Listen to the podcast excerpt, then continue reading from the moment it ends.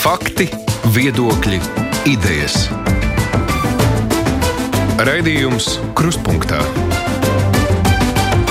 ar izpratni par būtisko. Studijā Mārija Ansone. Krīzes situācijām informācijas apritei un uzticamība ir milzīga nozīme, lai sabiedrība saprastu, kā pareizi rīkoties.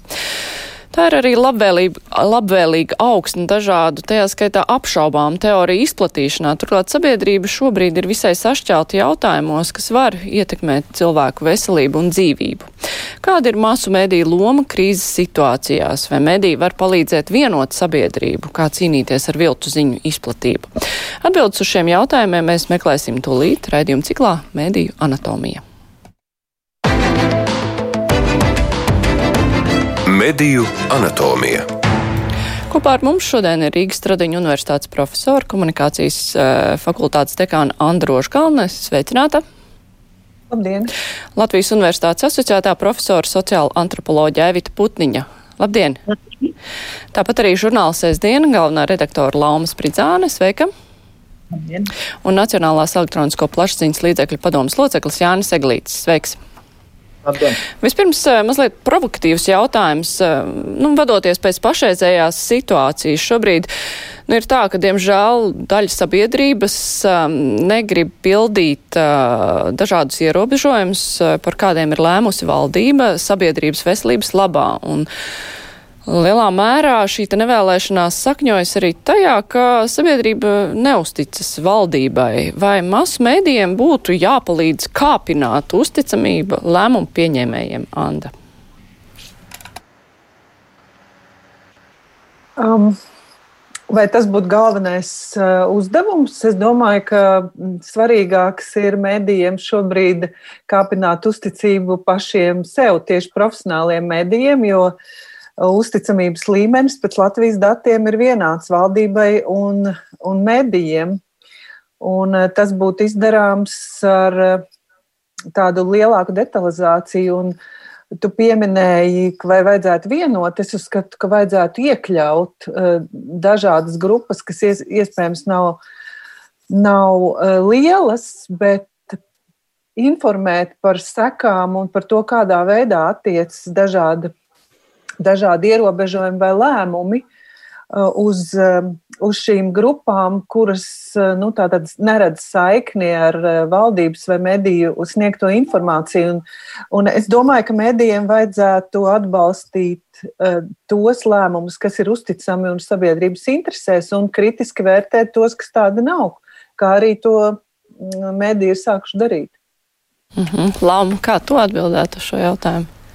Nu, es droši vien varu piekrist uh, un teikt, ka, ka vien, vienlaikus jā un nē. Tieši tāpat, ka um, ir jāatbalsta, protams, um, teiksim, ja mēs runājam tieši par ierobežojumiem, uh, tad, uh, protams, ka ir jāatbalsta um, un jāveicina tas, lai sabiedrībā tie tiktu ievēroti. No otras puses, mēs nedrīkstam aiziet arī otrā grāvī un tagad paziņot, ka tikai tāpēc, ka situācija tiešām ir. Uh, skarba un statistika briesmīga, ka tajā brīdī mēs tagad pārtraucam kritizēt jebkurus lēmumus, arī tos, kas nav pārdomāti vai kas ir vienkārši pieņemti kaut kā haotiski. Protams, ka mēs kā mēdījis turpinām sekot līdzi gan valdības lēmumiem, gan vispār šīm norisēm, kas ir saistītas ne tikai ar vīrusu, bet arī ar to pašu budžetu vai citiem svarīgiem jautājumiem.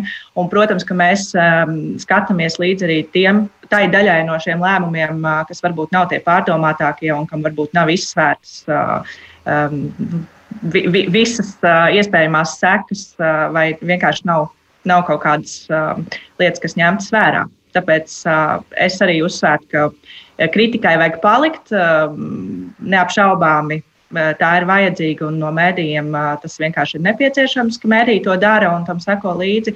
Bet vienlaikus, protams, ka um, ir kaut kādas. Kaut kādas lietas, kuras mēs arī no savas puses, kā mēdījis, uh, uzskatām, ka tā ir savā ziņā mūsu misija, ka mēs aicinām tās ievērot un tām sekot līdzi. Jā, Putniņš kā jums šķiet, vai nu, šos aicinājumus ievērot valdības pieņemtos ierobežojumus, vai tos vispār var saistīt ar kaut kādu uzticēšanos valdībai? Nu, tas jautājums ir nu, tāds tā divi vienā.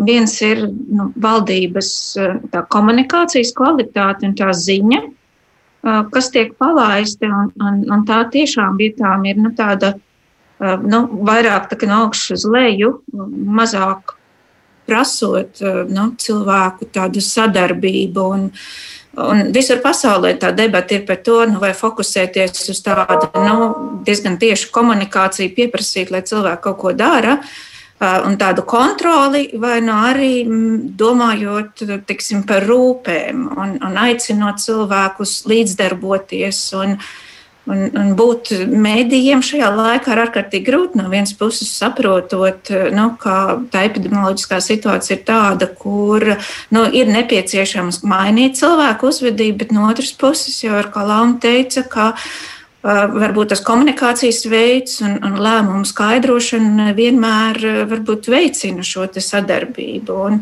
un tur pamats kritikai arī ir, bet kā lai šo kritiku nu, tā pietiekami jā, nu, nesagraujot varbūt pašu šo rīcības mērķi. Nu, kā to varētu pasniegt. Un, un šajā ziņā man liekas, ka tā, nu, tas nav ārkārtīgi viegli. Te akadēmiķiem ir, nu, mēs varam daudz brīvāk varbūt uz to skatīties un kritizēt. Bet, uh, Medijiem tas noteikti ir grūti, un tās grūtas izvēles arī par to, nu, nu, kā vispār to situāciju atspoguļot. Arī, nu, ja mēs ņemam vērā viltus ziņas, kas ir sociālos portālos, nu, tad vismaz sabiedriskos medijos nu, tie netiek tālāk reproducēti. Un, un cilvēki tur pārmet, kāpēc viņi to neredz. Tur. Eglīša kungs, ja mēs skatāmies tā no formālās puses, teiksim, sabiedriskajā pasūtījumā darbs šādās ārkārtas situācijās ir kaut kā tā noformulēts. Nu, kas tad īsti ir jādara? Gan eh, sabiedriskajiem mēdījiem, gan komercmēdījiem, kur saņem sabiedrisko pasūtījumu? Un vai vispār mēdījiem ir kaut kādi pienākumi, uh, nu, vai atbalstīt, līdzdarboties uh, šiem te, nu, valdības lēmumiem, jo valdība ir šobrīd tā, kas tīri praktiski rīkojās, lai ierobežotu pandēmiju? Uh, jā, mēs tieši mm, izstrādājām šo sabiedriskā pasūtījuma vadlīnijas un arī uh, savus uzdevumus devām sabiedriskajiem mēdījiem, un pirms tam veicām arī tādu Latvijas faktu mums palīdzēja veikt sabiedriskās domas aptauju, un tā ļoti uzskatām parāda, ka šobrīd, piemēram, sabiedrības veselība ir tā tēma, kas ļoti cilvēks interesē. Un tā ir faktiski šī aiz, aiz, aiz ziņām un izklaides vairāk kā 70% sabiedrības šo aptaujas dalībnieku Eh, norādīja, ka tieši sabiedri, nu, sabiedrības veselība ir tas, par ko viņi gribētu dzirdēt informāciju. Un, un tas ir arī viens no uzdevumiem, ko mēs esam iekļāvuši sabiedriskajā pasūtījumā. Tā kā, nu, noteikti šī situācija, ārkārtējā situācija, atstāja savu nospiedumu arī uz to, kā mēdījiem būtu nu, tieši jāizvēlas, par ko vairāk stāstīt. Un, par ko varbūt mazāk. Es gribēju arī norādīt, ka ārkārt, nu, mēdīju uzdevums noteikti nav slavēt valdību, vai tas nav Mēdīju uzdevums ir kritiski izvērtēt un informēt. Tas, kas varbūt šajā tā tā ir ārkārtējā situācija, tad ārkārtējā situācijā, protams, svarīgi ir, lai, lai šī situācija, tas situācijas ārkārtīgums nepalielinās. Līdz ar to visādi zeltainās ziņas un tādas lietas varbūt šajā situācijā, man, man pēc manas domām būtu jāsamazina, noteikti vairāk būtu jāizvērtē. Bet nu, tajā pašā laikā es arī nu, nedaudz saprotu, ka nu, bijušie kolēģi, jo šobrīd ir ļoti grūti tā izvērtēt to informāciju, sēžot mājās, kā to daudz dara un, un attālināt. Jā, Antu minēja, ka mēdījiem vajadzētu nu, to, kas ir sabiedrībai labi, tad uh, par to ziņot un atbalstīt un kritiski vērtēt to, kas ir sabiedrībai slikti mēdījis. Tātad šajā situācijā ir tas uzraugs un vērtētājs, kas ir labi, kas ir slikti, bet uh, vai šis brīdis ir vienkāršs ar to, jo nu, tie viedokļi, kas ir labi un pareizi, maskas labi, maskas tādā situācijā labi, ierobežojums tāds vai citāds, nu kā izvērtēt? Kas tad ir pareizi? Tad mēdīji sanāk gudrāki par valdību, kuri arī taču kopā ar ekspertiem un speciālistiem lemj, kas tad sabiedrībā ir labi. Nu jā, es, es tad precizēšu, es eh, gluži tādos lielos vēzienos nebiju domājusi. Es uzskatu, ka noteikti medijiem ir eh, jāatbalsta un tālāk uh, jāpapildina un profesionāli jāapstrādā tā informācija, kas nāk no valdības, jo tā ir vienīgā, ko mēs bieži vien uh, kaut kādā pārmaiņu brīdī vai jaunā pavērsienā varam uzzināt. Tas ir pirmkārt, bet tas nenozīmē, ka mediji kļūst par nu, tādu nekritisku kanālu Eh, kanāla valdībai attiecībā uz eh, šo lomu ir pilnīgi, pilnīgi normāli apzināties, ka tieši tāpat kā nedroši, pārguruši, eh, pretrunīgās izjūtās un pretrunīgas informācijas vidū ir gan, gan eksperti un valdības pārstāvi, gan arī žurnālisti. Un ar to es domāju, pieminot detalizāciju un un detalizētu eh, dažādos, dažādās pozīcijās balstītu šo informācijas skaidrojumu. Ir pilnīgi normāli, ka kaut kādā periodā eh, maskas tiek uzskatīts par nevajadzīgām, bet eh, citā periodā tās ir, tās ir ārkārtīgi svarīgas. Un, un tāpēc, manuprāt, ir būtiski apzināties, ka mēdī var interpretēt valdības uh, informāciju, pazīstot gan informācijas dabu, gan savu auditoriju, jo cilvēki pašlaik uzvedas atkarībā no tā, kā vērtē savu risku saslimt. Un jo precīzāk tiek uzrunāts gan kopējā auditorija, gan dažādas specifiskas grupas, un palīdzēts ieraudzīt detaļās, praktiskā pieredzē, Eh, situāciju eh, tādā radīšanā šie riska faktori un piedāvāt risinājumu, jo labāk mediji var arī paši savu eh, šo lomu vai dažādās lomas arī apzināties un piepildīt. Vispirms runājot par vērtēšanu, Lauma, cik viegli un kāda vispār ir žurnālistu iespēja nu, sniegt šo te ļoti objektīvo vērtējumu, vai mēs spējam tiešām nu, tā pārliecinoši pateikt, tas ir labi, tas nav labi, vai mēs tieši tāpat varam tikai taustīties un mēģināt saprast, kas ir un kas nav labi. Es domāju, te ir jāatgriežas pie žurnālistikas tādā uh, nu, es gribētu teikt, pamatlikumu par to, ka žurnālists vienmēr būs neitrāls kā Šveice, kā mēdz teikt. Proti, mēs jau nebūsim tie, kas, kas tagad pateiks, ka maskas nesāt ir vai nav labi.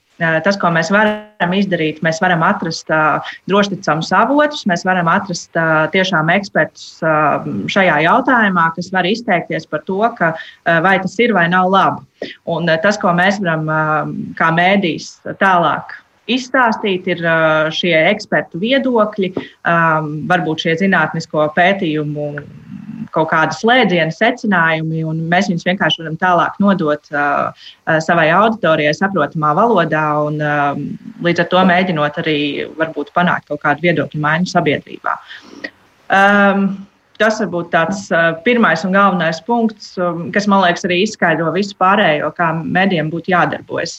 Tas vēl, ko es gribēju piebilst, ko varbūt arī šajā pandēmijas laikā īstenībā var just tas, ko, um, tas, ko pieminēja um, Eglīša kungs, ka cilvēki jau patiesībā arī meklē tos drošticamos avotus. Um, piemēram, kā tādus spilgtus piemērus var minēt kaut vai mūsu dienas portālu, kas nekad nav aizrāvies ar dzeltenām ziņām un klikšķu virsrakstiem. Un mēs arī varam redzēt, eh, tīri pēc statistikas, ka tieši šajā pandēmijas laikā tas uh, apmeklējums un um, cilvēku vēlme pēc drošības informācijas un uh, tādām varbūt um, nopietnākām ziņām arī tiešām ir krietni augusi. Un, um, Es domāju, ka tas ir apusēji, ka gan mēdījiem ir jāspēj uh, atrast un dot šie uh, drošticamie avoti, gan arī no uh, sabiedrības, no patērētāja puses, tie tiek prasīti. Tajā pašā laikā, cik viegli ir atrast šo drošticamo avotu, īpaši šajā jautājumā, kurš ir pietiekoši jauns, mēs esam tikai vienu gadu saskārušies ar to, un eh, tajā brīdī, ka mm, cilvēks tiek pieteikts, eh, nu, viņš ir kāds medicīnas zinātņu doktors, viņš ir kāds epidemiologs, infektologs, nu, viņam tā kā tas status ļautu izteikties par šo jautājumu, un tajā pašā laikā nāk viedokļi diezgan pretrunīgi. Nu, kā saprast, eh, kurš ir kaut kādas slavas eh, tīkotājs vai, nu, varbūt vienkārši, nezinu, vai mazliet apjucis vai nu, nav īpaši labs speciālists un kurš patiešām var pacelt kādu nopietnu problēmu, pateikt, parādīt kaut kādu nos, nopietnu aspektu, kurš sākumā varbūt nešķiet kā kaut kāds nu, vadošais viedoklis šajā jomā. Mums pietiek? Jā. Es pirmkārt gribētu teikt, nu, pirmkārt, tas jau ir viedokļu daudzveidība un uh, daudzskaitlība. Um, pirmkārt, jau tas ir par to, ka tu neprasi viedokli vienam cilvēkam vai vienam ekspertam, tu paprasti vairākiem. Un arī tas pats attiecas arī teiksim, uz ārzemju pieredzi. Mums, uh, protams, ir pati, uh, tas pats Zviedrijas piemērs, uh, kur arī um, valsts uh, līmeņa um, galvenais tagad, ja es nekļūdos, epidemiologs bija tas, kurš nu, teica, ka nevajag nekādus piesardzības pasākumus ievērot, un tad pateikt, ka viņš ir dumjāks par kādas citas valsts galveno epidemiologu. Protams, ka uh, vai mēs esam tie, kas to var izvērtēt, un it sevišķi, ja tas ir kaut kādā sākuma posmā šim visam procesam, tad skaidrs, ka mēs to pateikt nevaram. Tajā pašā laikā vienā brīdī pienāk šī kritiskā masa, kad, var, kad mums ir jau kaut kādi dati, mēs varam jau kaut ko vērtēt un kaut ko secināt.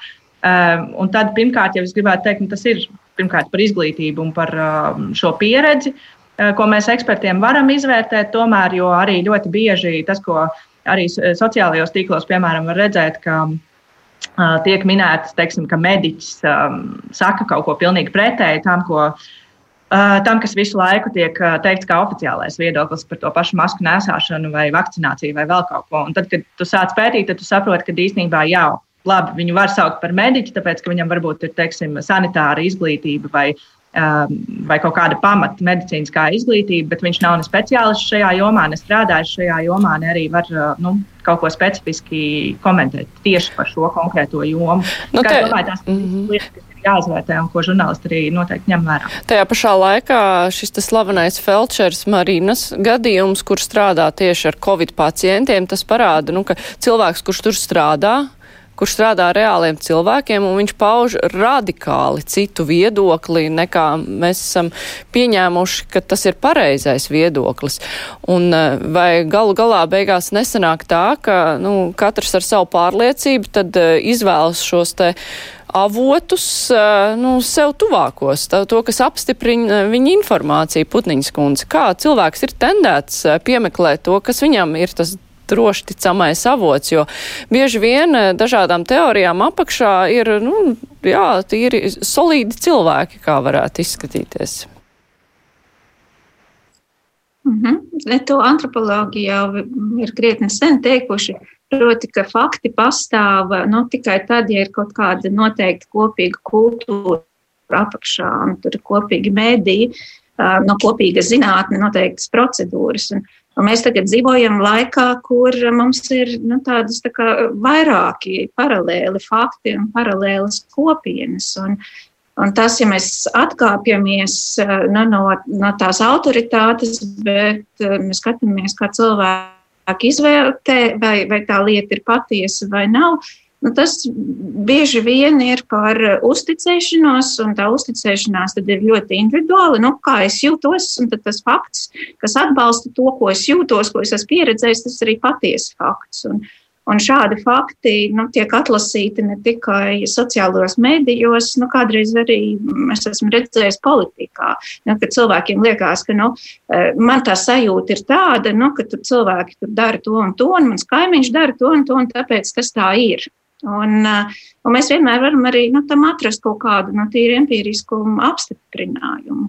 Un tas arī padara visu šo nu, komunikāciju ārkārtīgi grūti pieņemt, nu, ka tas otrs cilvēks uh, var neuzskatīt par faktu to, ko es uzskatu par faktu. Un viena no izējām uh, nu, ir balstīties autoritātēs. Un, un velti, nu, tad um, arī tie, kuri šīs viltus ziņas izplata, nu, tur tieši tāda paša nu, mimikrija notiek. Tur ir atsaucis uz pētījumiem, uz zinātniekiem, uz ārstiem. Un, uh, Un tad tur ir ārkārtīgi viegli apjukt. Un, un, un tad tas vienīgais kompass, kas mums paliek, ir nu, tā, tā mūsu iekšējā sajūta un tā mūsu kopiena, kurā mēs piedalāmies. Un, un, un, lai te neapjuktu, nu, tur ir tiešām jābūt nu, tādam nu, kompasam, tādam rītīgi nu, labam un kvalitatīvam. Un ir labi, ka trāpās teiksim, eksperti, kā es vakar klausījos kruspunktā Liena Cipuli, kur spēja nu, ne tikai savas kompetences ietveros, bet arī nu, tā skaisti un plašāk par šo pastāstīt. Bet ir ārkārtīgi grūti šādus nu, cilvēkus arī intervēt. Nu, Protams, arī tad, ja cilvēks pats nav tas eksperts, ļoti vispusīgs, nu, pretīm dabūt žurnālistu, kurš spēj tā pajautāt un, un, un kurš spēj orientēties visos šajos daudzajos aspektos. Un, un, un, un kādā veidā nu, caur šo patiesības un uzticēšanās, un, un, un tādu nu, nevelti tiek runāts nevis par patiesību, drīzāk sociālo uzticēšanos, un kā šo sajūtu panākt un, un nu, ar tādu vienkārši nu, neiecietību pret citādi domājošiem, kas būtu nu, ātrākais, loģiskākais ceļš. Jā, nu, te nebūs līdzēts. Un, un tad ir jāmēģina arī saprast, kas, teiksim, Kelčeris Marinas nu, pusē ir noticis un, un, un kādas sekas tas nes līdzi. Eglīša kungs, vai masu mēdījiem ir kaut kāds pienākums uh, neiet viltus ziņu, viltus teoriju pavadā tikai tāpēc, nu, ka tās ir uh, skaļākas un, uh, piemēram, nedot vārdu cilvēkiem, kuri varbūt apzināti kaldina kaut kādu savu popularitāti, runājot skaļas lietas? Vai vispār ir tāds pienākums, vai tā ir tikai katra paša mēdī goda lieta? Nu, ja mēs nerunājam par sabiedriskiem mēdījiem, kuriem kā droši vien vajadzētu no tā izvairīties, bet vispār masu mēdījiem. Uh, nu jā, par sabiedriskiem mēdījiem tas ir tāds uh, uh, savs stāsts. Sabiedriskos mēdījos es domāju, ka pilnīgi noteikti tas nebūtu, bet uh, komercmediji jau ir brīvi savā redakcionālā izvēlē. Es katrā ziņā uzskatu, nu, ja es būtu žurnālists, es ar šādām lietām noteikti neaizrautos, bet aizliegt kādam neko uh, nevar, jo tā ir eh, nu, brīvi mēdīji, un eh, viņi izvēlās varbūt pieskaņoties saviem eh, bieži vien klausītājiem. Tāpat kā starp citu arī politiķi, kā mēs ļoti lieliski redzam, arī izvēlās pieskaņoties auditorijai, varbūt arī sakot to, ko viņi patiesībā nemaz nedomā. Tā ir tāda lieta. Jā. Bet uh, ir mēdīji, komerc mēdīji, kur arī saņem sabiedrisko pasūtījumu un varbūt viņi konkrēti tajā pārraidē, ko apmaksā valsts, uh, nu, nemēģina taisīt šādu popularitāti, bet, piemēram, citā raidījumā. Vai uh, ir jāierobežo sabiedriskās naudas uh, izsniegšana šādam mēdījam, nu, kurš. Uh, citā veidā pelna uz to, ka nu, varbūt uh, dara lietas, kas uh, sabiedrībai šobrīd varbūt pat ir kaitīgas. Mm -hmm. um. Es varētu varbūt mazu atkāpi, ir, lai varbūt klausītāji saprot. Tad, jā, piemēram, šogad tika piešķirts vairāk kā miljons eiro komercmedijiem tieši ar sabiedrisko pasūtījumu elektroniskiem komercmedijiem, kā radio un televīzija, lai viņi veidotu saturu. Tas bija šajā COVID, eh, pirmā Covid laikā, kad uh, kopumā uh, šie mēdīji zaudēja reklāmas ieņēmumus vairāk kā 4 miljonus eiro tieši šajā pusgadā un uh, pirmajā pusgadā. Un, uh, caur mums tiks sniegta šī palīdzīgā roka, uh, lai, lai kaut kādā uh, mērā šo te, uh, situāciju uzlabotu un šos zaudējumus daļai vismaz kompensētu. Uh, Un tas galvenais mērķis bija nepieļaut, ka tieši šie paši svarīgākie, kas ir ziņu raidījumi, pētnieciskie raidījumi, saglabātos un turpinātos, jo šī daudzveidība informācijas ir ļoti svarīga. Un mums šobrīd ir arī piesaistīti recenzenti. Tie bija vairāk kā 63 projekti. Tas ir 63 raidījumi, kur saņem šādu finansējumu. Un caur viņiem šobrīd notiek vērtējumi. Tieši recenzijas tiek šobrīd ienāk. Un tad mēs apskatīsimies, cik viņi ir tikuši ar šiem pienākumiem galā. Bet atbildot uz to jautājumu, vai tas uzliek šīm mēdījiem kaut kāds papildus pienākums ārpus šī valsts uh, saņemtā atbalsta. Uh, Nu, es teiktu, ka kaut kādā ziņā, teiksim, tā varbūt ne juridiski, bet eh, tādā morālā ziņā es domāju, ka jā, jo noteikti, ja tu nāc pie, pēc valsts atbalsta, tev noteikti ir jāatbild zināmiem kritērijiem. Un, piemēram, viens no kritērijiem, ko mēs ielikām nolikumā, bija pievienoties šim ētikas kodeksam, kas ir tāds vispārējs, ir ētikas eh, padome. Un tā ir arī savā veidā kriterijs, kas liek šiem mēdījiem nu, būt atbildīgiem par savu saturu. Bet morāla atbildība vai šī morālā atbildība var, teiksim, turpmākajā laikā rezultēties praktiskā atbildībā, piemēram, nepiešķirtā finansējumā? Nu, bet tad mums jārunā par konkrētiem piemēriem. Es tādus man nenāk prātā, godīgi sakot, eh, no šiem 22 komercmedijiem, eh, kas, ka mēs piešķīrām, ja, ka kāds no tiem būtu īpaši bezatbildīgi rīkojies. Es nezinu, es nezinu šādu piemēru. Tāpēc man tā grūti teikt, vai mums ir jēgas par to tā runāt. Ter, ter, uh, nu, pra, praktiski nav šādu piemēru vienkārši. Nu labi, bet ja mēs runājam par žurnālistu atbildību izplatot kaut kādu informāciju, tas jautājums jau Andai, tas nu, ir jautājums tikai par katra žurnālista kaut ko tādu personīgo godu vai nu, tas ir jāskata plašāk, nu, cik lielā mērā žurnālisti pavelkās. Un mums ir bijuši žurnālisti, kuri ir arī aizgājuši kaut kādu konspirācijas teoriju pavadā. Jā, e, turpinot e, to, ko iepriekš kolēģi jau teica, es, es e, gribētu pat paslavēt šo panorāmas sižetu par par felčeri, jo tas, eh, un īstenībā es uzskatu, ka gan atbildot Eglīšu kungam, gan pārējiem, ka būtu vajadzīgi šajā nu, tik ļoti sarežģītajā informācijas vidē, kādā mēs visi atrodamies, bez gandrīz vai ikdienas rubrikai, kā laika ziņām, ir būtu jābūt eh, šiem materiāliem, kas skaidro gan avotu kvalitāti, gan aktuālos eh, gadījumus, kā bija ar eh, šo konkrēto Marinas kundzi, gan to motivāciju, kas parāda, ka mm, ar politiku saistītais cilvēks, kas viņu ir iesaistījis, būtībā ir tas, ko sauc par pandēmijas populistiem. Un, eh, respektīvi, žurnālistiem ir īpaši profesionālās ētikas noteikumi, principi, darbības modeļi. Tad, tas nav uh, tikai kaut kas, kas ir manā sirdī, vai, vai ko man mamma un tēvs mācīs, kas ir labs, uh, labs vai slikts.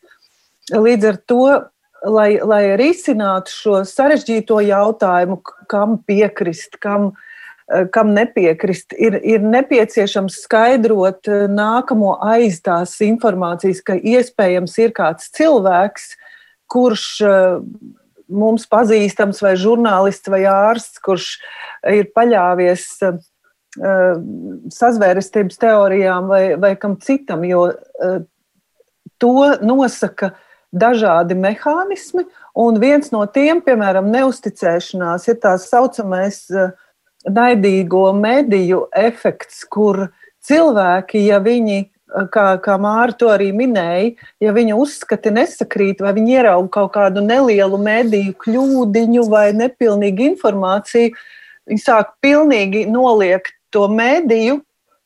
Un ja mēs nerunāsim, teiksim, ka ir šādi cilvēki, vai kā tu saki, nedosim viņiem vārdu, tad, manuprāt, teiksim, būs novērojams tas, ka ši, tie, kas eh, ieklausās, redzēs nu, šīs pretējās nometnes, ja, ka nedrīkst slēpt, ka ir dažādi skatījumi un dažādi iemesli.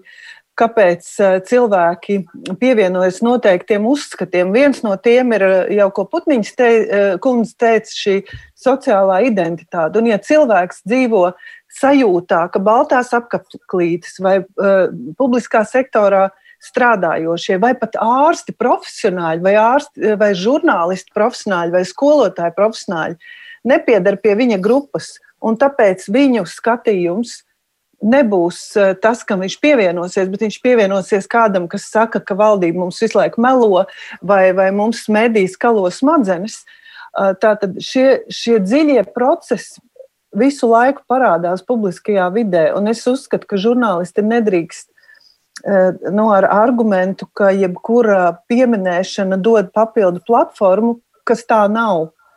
Eh, ja, teiksim, ignorēt eh, šīs dažādas domu plūsmas, jo tad vienkārši būs ļoti grūti uzrunāt dažādas auditorijas. Tas ir tas, ko tu sākumā teici, ka ir nepieciešams iekļaut dažādas grupas, nevis vienot vienotā viedoklī, bet iekļaut diskusijā. Iekļaut diskusijā un arī dažādi piedāvāt dažāda veida informāciju. No vienas puses tā ir arī valdības atbildība, jo lielākoties tie cilvēki, kas iz, izvēlas ārkārtīgi kaismīgi uzstāties sociālajās medijos, uzbrukt citādi domājošiem.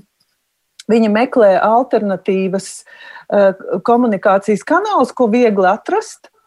Un, eh, un, respektīvi, vienlaikus viņa auditorija ir grūti sasniedzama ar profesionāliem medijiem, jo ir šis noliegums, ka tie jau nesaprot manu pozīciju vai to ignorē. Uh, Nu, jā, tāpēc man šķiet, ka eksperta kļūšana par, par youtuberiem, blogeriem un žurnālistu pašu ļoti arī veiksmīgie piemēri par tīmekļa fórumu veidošanu noteiktām problēmām un cita veida formāti varētu būt efektīvi, lai tiešām veidotu sarunu un, un, un ieraudzītu arī tos argumentus un vienlaikus arī apstrīdētu. Lāma, kā tev izdodas savā izdevumā iekļaut dažādās grupas? Nu, es varu tikai uh, tam visam piekrist un piebilst to, ka jautājumiem vieta ir vienmēr. Proti, um, visgudrākajam ekspertam var prasīt vismuļķīgāko jautājumu, muļķīgāko liekot šajā gadījumā pēdiņās, uh, tāpēc ka ļoti bieži ir tā, ka uh, varbūt cilvēki mēģinot uh, nu, runāt tikai par tām gudrajām lietām, varbūt izlaižot, eh, izlaižot kaut kādus eh, pamatu jautājumus, ar to arī nozog eh, lielai daļai cilvēku ticamību, jo viņiem vienkārši. Viņi tik tālu nedomā, viņiem gribas atbildēt tieši uz šiem pamatjautājumiem. Tāpēc, jā, jautājumiem vieta ir vienmēr, un, un tas varbūt ir arī tas, kas ir jāpaņem nu, no šiem, sauksim to tā, strīdīgajiem avotiem, um, kas varbūt pēkšņi parādās kā eksperti un sevi piesaka kā eksperti tajā pašā YouTube vai kādās sociālajās platformās, sociālajos tīklos. Um, šos jautājumus vajag uzdot. Um, tiem pašiem, kurus mēs uzskatām par ekspertiem, uh, tiem pašiem um, jau pieminētiem, kuriem varbūt mēs varētu saukt par tādiem drošticamiem avotiem, vai tiem pašiem, kas ir um, stāvējuši uz kaut kādiem valdības lēmumu pamatojumiem. Um, šos jautājumus noteikti vajag uzdot, un es tur neredzu neko neko problemātisku šajā ziņā. Es atgādināšu klausītājiem un Latvijas televīzijas skatītājiem, ka šodien kopā ar mums ir Rīgas Stradiņa universitātes profesora Anda Rožkalne, Latvijas universitātes asociētā profesora Aivita Putniņa, žurnāla sestdiena galvenā redaktore Laumas Pridzāna un Nacionālās elektronisko plašsaziņas līdzekļu padomas pārstāvis Jānis Eglītis. Raidījums Krustpunktā. Jā, atgādināšu arī, ka mūs var skatīties Facebook uh, Latvijas radio viens kontā. Es izlasīšu vienu vēstuli, klausītājs raksta tā, manuprāt, tas, ka no ziņu portāla galvenajām lapām pazuda Covid-19 veltītie bloki, arī zināmā mērā ietekmēja to, ka sabiedrība atslāba, jo informācija kļuva mazāk pamanāma. Te ir svarīgi radīt sajūtu, ka slimība ir tepat, lai tas lēktu acīs. Es papildinātu um, svarīgi parādīt, ka šī slimība skar īstus dzīvus cilvēkus, nevis tikai skaitļus. Putniņas kundze, cik būtiski ir tas, ka cilvēki uzzina, ka aiz šiem skaitļiem slēpjas kāds cilvēks, kurš ir, nu, tāds kā es, kāds, kāds vecāks kādam bērnam, kāds bērns kādam pensionāram, cik lielā mērā, ko, ko cilvēkiem tas nozīmē, ka viņi redz, ka, ka viņš, tas, kurš ir miris vai tas, kurš ir cietis, ir tāds pats kā es. Respektīvi, vai mēdījiem vajadzētu padarīt šos stāstus, šo statistiku dzīvāku? Nu, manuprāt, tas arī tiek darīts, bet nu, raugoties vismaz um, interneta medijos, nu, parasti tie stāsti nu, ir visbiežāk patiešo no sociālajiem tīkliem pārpublicēti. Nu, tā, nu, izņemot varbūt LSM, kur tie stāsti tiek apzināti vākti un, un, un mēģināts nu, apzināti to arī publicēt. Bet nu, jāsaka, ka tie stāsti jau nemaina cilvēka pozīcijas. Varbūt tur ir vieglāk emocionāli iesaistīties. Bet tik un tā, ja tā, tā emocija, kas nāk no tā stāsta, disonē ar manējo, un es to negribu pieņemt, un, nu, tad ir ārkārtīgi viegli nospriest, ka šis ir izdomāts stāsts un ka tā ir propaganda. Un, un mēs atkal atgriežamies nu, tādā nu, sākuma punktā. Un, un, un, un, Tad tā, tā galvenā, droši vien, tas ietekmējošais faktors ir veids, kādā veidā gan mediji, gan valdība komunicē. Un kā šis komunikācijas veids, nu, ja viņš ir nu, tāds nu, iespējami nu, tāds, um, līdzvērtīgāks, to otru cilvēku neuzskatot gluži par muļķi, uh, bet nu, ārkārtīgi labestīgi saprotot, ka nu, cilvēki arī varbūt noliedz to covid ne tāpēc, ka. Nu, noliedz to kā faktu, bet eh, nu, krīzes situācijās cilvēkiem ir vajadzīga nu, tāda kontrola, un to covid viņi nevar kontrolēt, un tad vieglāk. Nu, Tīri emocionāli ir izlikties, nu, ka tas mani neskar. Ka varbūt tas cilvēks saslimst, bet, bet, bet, bet nu, man ir drošāk, es savu dzīvi nemainīšu, jo tā mana rutīna padara to manu subjektīvo dzīvi vieglāku. Nu, līdz ar to nu, arī tie stāsti nebūs nu, tāda brīnuma nūjiņa, tā drīzāk varbūt demonstrēs to, no kā tas cilvēks grib izvairīties. Un, un, nu, Tad, bet tas, ka tā informācija ir jābūt daudzveidīgai, ka tai ir jābūt nu, tādai atbalstošai, uz, uz drošību veidotāji. Un, un, un man ir tāds arī, nu, ka varbūt mēdī tomēr var pagriezt to vēsti, eh, nu, ka parādot to vietu, kur cilvēkiem ir iespēja līdzdarboties. Nu, līdzdarboties tu vari ne tikai pārpublicējot kādas ziņas sociālos tīklos, nu, tur darīt ar vairāk. Un, un to pētījumi rāda, ka Latvijā cilvēkiem ārkārtīgi patīk rūpēties par citiem un, un, un tas, tas rūpes ievirzīt. Nu, man liekas, pat būtu nu, tāds efektīvāks līdzeklis, kā, kā mēs varētu piedāvāt cilvēkiem iesaistīties. Bet, ja jūs minējāt, ka daļa no Covid noliedzējiem vienkārši varbūt baidās no šīs realitātes, tad, nu, jebkura informācija par Covid viņiem varētu krist uz nerviem. Un mums arī bieži zvana un saka, kāpēc tik daudz, kāpēc jūs visu laiku stāstat, kāpēc jūs biedējat cilvēks, nu, cik var, nu, pietiek. Informācijas var būt par daudz par šo. Jā, un cilvēki jau to redz. Nu, tas, tas viņus arī kaitina. Nu, mēs jau pamanām to, kas mums kaitina. Un, un, un ja tā informācija ir ārkārtīgi vienveidīga, nu, tad, tad tas tā ir.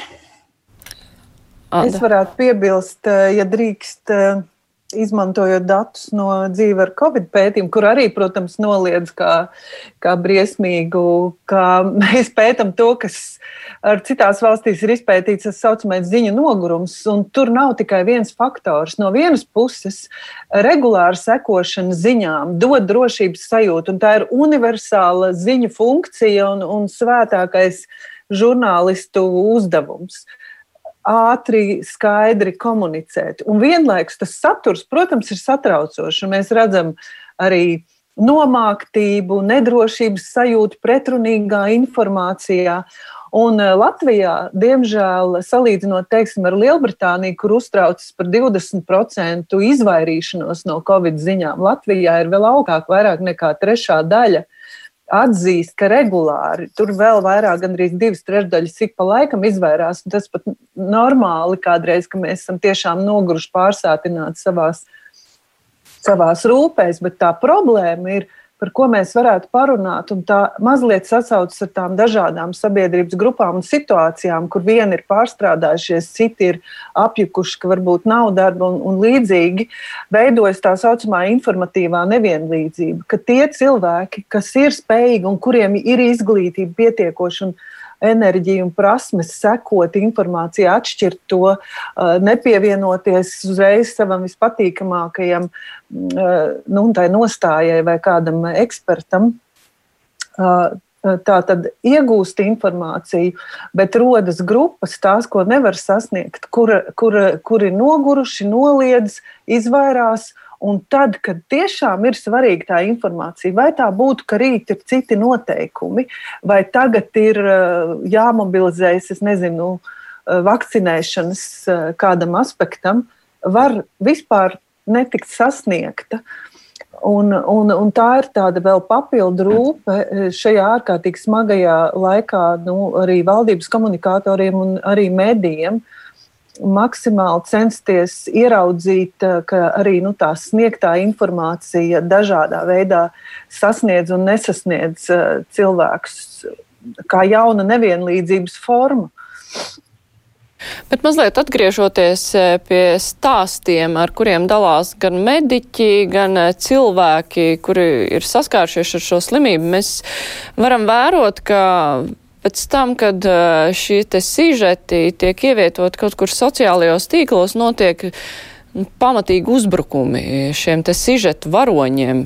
Vai viņus ir iespējams kaut kā aizsargāt, jo um, es pieļauju, ka daudzus tas vienkārši atbaidīs dalīties ar savu pieredzi, jo viņi redz, kas pēc tam notiek. Eglīškungs ir kaut kādi instrumenti, kā aizsargāt šos varoņus, eh, kuri ir runājuši un kuriem pēc tam nu, ir tāds milzīgi uzbrukumi un nepatīkami uzbrukumi sociālajos medijos.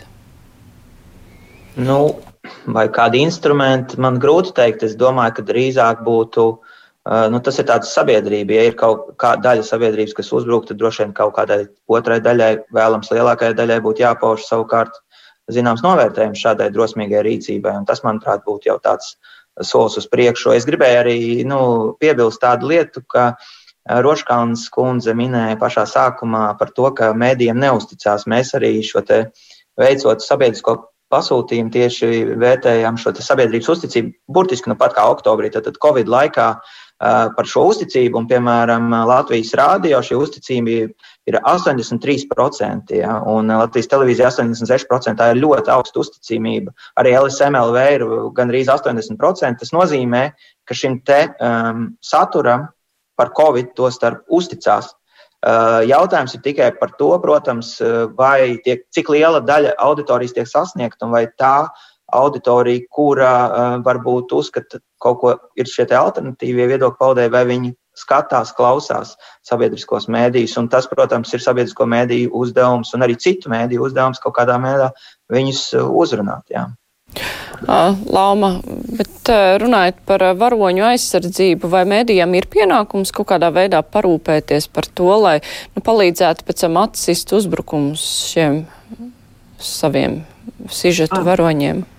Protams, mēs to darām nu, kaut kādā savā, savā iespēju robežās, bet skaidrs, ka, ja cilvēks ir ar um, savu vārdu un uzvārdu, tad ir kaut kāds nu, viena robeža, kur mēs varam, nezinu, savā portālā skatīties vai savos sociālajos tīklos uh, skatīties tur komentārus un, uh, un varbūt tur kaut kādus aizskarošus dzēst vai kaut ko tamlīdzīgu, bet uh, nu, tālāk jau mēs par to, mums par to nav nekādas kontrolas.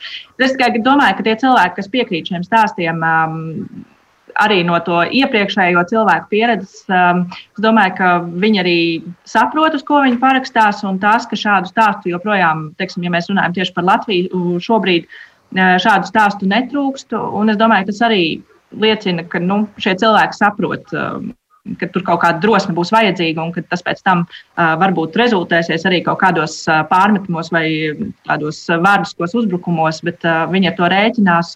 Es pat esmu vairākos uh, sižetos dzirdējusi, ka cilvēki uh, tieši tā arī saka, ka es saprotu, ka droši vien ka pēc šī manas teiktā man bruks virsū, bet man vienalga tas ir jāapsaka, jo es uzskatu, ka tas ir ļoti svarīgi un tādā ziņā apsveicam. Tas, ko es vēl gribēju paturpināt par Roškānas kundzes teikto par šo nogurumu. Tas tiešām ir, ir tāda lieta, ko arī, man liekas, ikdienā jebkurš mēdījis jūt. Un tieši tāpēc varbūt ir tik ļoti svarīgi, lai šīs um, ziņas nav tikai ziņas. Um, Un te es nerunāju tikai par cilvēku stāstiem uh, un tikai par šīm pieredzēm. Um, tāpēc ir tik ļoti svarīgi, lai Um, mēdī, um, mēdījos būtu arī piemēram, tās pašas um, lielās intervijas ar uh, sabiedrībā pazīstamiem cilvēkiem, ar uh, cilvēkiem, kas runā ne tikai par šo varbūt um, tiešo covid pieredzi. Tas nenozīmē uzreiz, ka tam ir jābūt noteikti stāstam par to, kā viņi ir saslimuši. Uh, Tas tikpat labi var nozīmēt arī par to stāstu par to, kā viņi vienkārši šajā laikā dzīvo un kā viņi uztver pasauli apkārt un šīs izmaiņas apkārt. Un tas varbūt šajos brīžos ir tieši tikpat svarīgi kā šie pieredzes stāsti tieši par slimību.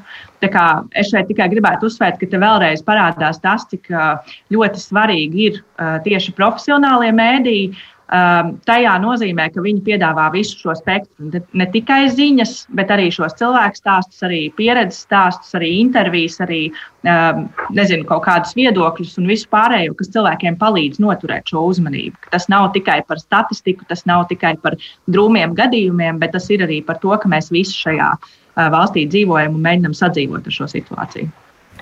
Eglīša kungs minēja, ka Latvijas radio uzticējās 83%, televīzija 86%. Es tagad redzu ziņas, kas tiek rakstītas, kamēr mēs runājam, un tur joprojām ir. Es nezinu, protams, vai tie ir dažādi cilvēki, to nevar pārbaudīt, vai viens cilvēks, kas to raksta, bet vairāk ziņas nāk arī joprojām ar covid noliekšanu, ar valdības sazvērestību un visām pārējām lietām. Es Var jau būt, ka rakstītāji ir tieši šo 17% procentu lokā, bet vai ir jebkādas iespējas nu, mums viņus pārliecināt? Vai ir jāmēģina pārliecināt Putniņas kundzi? Mm, jā, es domāju, bet tur ir jāsaprot arī nu, tā, tā uzticēšanās loģika, nu, ka tas nav balstīts faktos, tas ir balstīts nu, tajās emocijās un uzticēšanās. Un tad arī, kā uh, Spridzāns kundze teica, tad, tie, tās, ir, tās ir intervijas ar uh, uzticības personām, un proti nu, tā, tiem cilvēkiem, kuriem ir autoritāte. Un kas ir interesanti, nu, ka šajā Covid laikā patiesībā ir ļoti maz cilvēku, kuri ir nākuši ar kaut kādu nu, savu personīgo vēstījumu, kur ir, kuras ir publiskas figūras, teiksim, kā prezidents vai ministra prezidents. Nu, viņi vairāk ir reaģējuši uz situāciju, bet nu, nav bijis nu, tāds, tāds piemērs. Un, man liekas, otra joma, kas arī nav nosekta, ir tas, nu, kā šie cilvēki, kas nāk no ļoti dažādām sabiedrības grupām un kurām ir, kuriem ir savas intereses, nu, kā viņi dzīvo šajā laikā un ne tikai kādas viņiem ir tās problēmas, kuras varētu iznest tālāk, bet kā kāda ir šī izdzīvošanas mehānismi. Un proti, nu, mēģināt radīt arī nu, paralēlas nu, diskusiju telpas un paralēlu valodu par to, uh, nu, kā, mēs, kā mēs izdzīvojam, izdzīvojam šajā laikā, nu, kur, kur mēs ņemam kādu nu, atbalstu, enerģiju un spēku. Un, un, un tas ļautu parādīt arī tādu lielāku bildi un dotu nu, tādu arī atspērienu paskatīties uz to situāciju nu, kaut kā citādāk un arī identificēties ar, ar citiem. Un tādā veidā mēs varam mēģināt lāpīt tās uzticēšanās problēmas un veidot šo tik kopīgo telpu. Roškāns kundze, tas varētu būt risinājums? Droši vien tas varētu būt risinājums, bet es, es gribētu pievienot savu ideju risinājumam par jautājumu, ko darīt ar cilvēkiem, kuriem uzbrūk to, ka viņi publiski dalās savā pieredzē.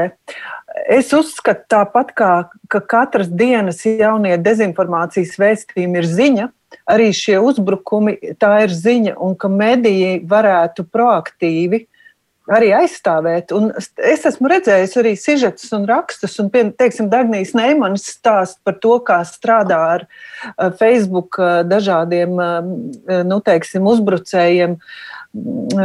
Tātad Latvijas televīzija savo, nu, savos resursos tīmeklī. Manuprāt, tas varēja būt nevis, nu, teiksim, varēja būt viena no svarīgākajiem vēstījumiem, un ir faktiski arī lai atšķirtu mediju dažādas prakses, es domāju, ka ir svarīgi arī domāt par tādiem pašregulācijas mehānismiem, ka katrs medijs. Eh, tā kā Delfi paziņoja, kā viņi izturas pret covid ziņām, un bez maksas to piedāvā arī savu šo pozīciju, teikt, ka mēs šajā laikā uh, mēs uzskatām, ka mums ir svarīgi iegūt informāciju no cilvēkiem, kam ir pieredze, un mēs kaut ko darām viņu labā un gribam aizstāvēt viņu tiesības, iespējas izteikties, nevis viņa apklusināšanu. Tā kā man šķiet, ka tur ir tāds jauns saturs, kā jaunos apstākļos ir jāveido. Jā, nu skaidrs, ka šī sabiedrības uzrunāšanas uh, problēma un veids, un tas ir ļoti daudzslāņains process, un Skaidrs, ka laikam, būtiskākais ir, lai neviena grupa netiktu pilnībā ignorēta un aizmirsta, ka tas arī var izrādīties tā tāda bumba ar laika degli.